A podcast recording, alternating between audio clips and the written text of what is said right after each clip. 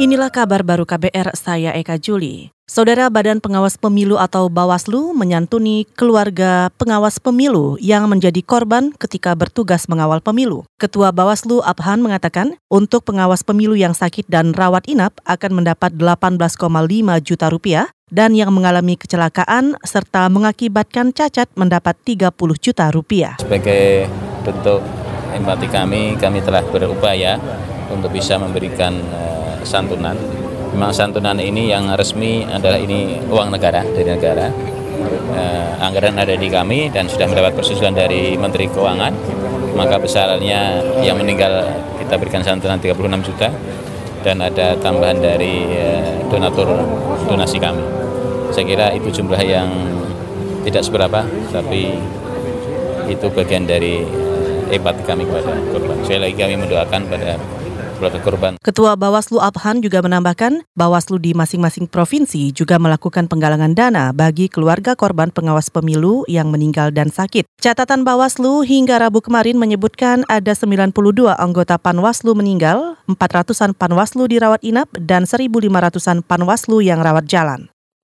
Kepala Staf Kepresidenan atau KSP meminta Polri segera mengusut kelompok berpakaian serba hitam yang melakukan vandalisme ketika peringatan Hari Buruh Internasional 1 Mei lalu. Kepala Staf Kepresidenan Muldoko mengatakan sudah memanggil Kepala Baris Krim Idham Aziz untuk mengetahui penanganan kasus itu. Meski begitu, ia menduga aksi ini sudah direncanakan karena terjadi bersamaan di Jakarta, Bandung, dan juga Makassar. Uh, Kabar Krim juga sudah saya undang ke kantor untuk mendalami apa apa itu namanya uh, anarko itu. Siapa otak di belakangnya ini semuanya? Dan apa tujuannya? Namanya juga mengerikan juga itu anarko, ya, anarkis ya. Pak ini memang ada indikasi terstruktur nih gerakan ini? Ya, sepertinya begitu. Saya harus mengenali lebih jauh, jangan sampai nanti ini kalau ada upaya-upaya tertentu dari pihak tertentu ingin memaksakan niat tertentu, maka ini bisa juga menjadi amunisi bagi mereka. Itu tadi Kepala Staf Kepresidenan Muldoko. Pada May Day Senin lalu, beberapa orang berpakaian serba hitam terekam merusak kendaraan bermotor dan sejumlah fasilitas di perkotaan. Tindakan itu dilakukan ketika para buruh menggelar aksi di pusat gedung pemerintahan. Polisi sudah menangkap terduga pelaku dan tengah menyelidiki motifnya.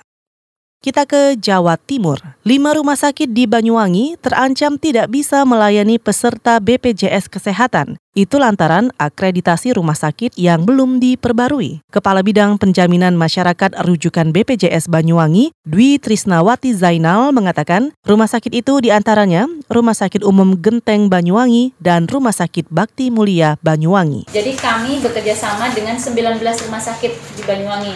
Uh, di wilayah Banyuwangi uh, ada 11 rumah sakit, di situ Bondo ada 5 dan di Bondowoso ada tiga. Jadi di rumah sakit kami di wilayah Banyuwangi, Kabupaten Banyuwangi, dari 11 itu terdapat satu rumah sakit yang masa akreditasinya habis tanggal 31 Mei 2019.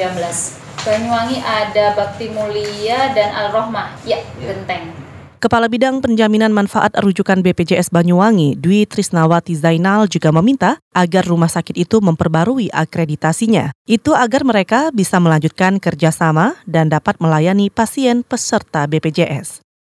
Enam wakil Indonesia siap bertarung pada babak perempat final turnamen bulu tangkis Selandia Baru Open 2019 di Stadion Auckland hari ini. Pada sektor tunggal putra, ada dua wakil Indonesia, yaitu Jonathan Christie yang akan berhadapan dengan pemain Cina Sun Feixiang dan Anthony Sinisuka Ginting yang akan melawan pemain Cina lainnya Lin Dan. Di sektor tunggal putri, Indonesia hanya punya satu wakil, yaitu Gregoria Mariska Tunjung yang akan bertemu dengan Akane Yamaguchi dari Jepang. Di sektor ganda putra, hanya ada Muhammad Ahsan dan Hendra Setiawan yang akan menghadapi pasangan Cina Taipei Li Yang dan Wang Chilin. Saudara demikian kabar baru, saya Eka Juli.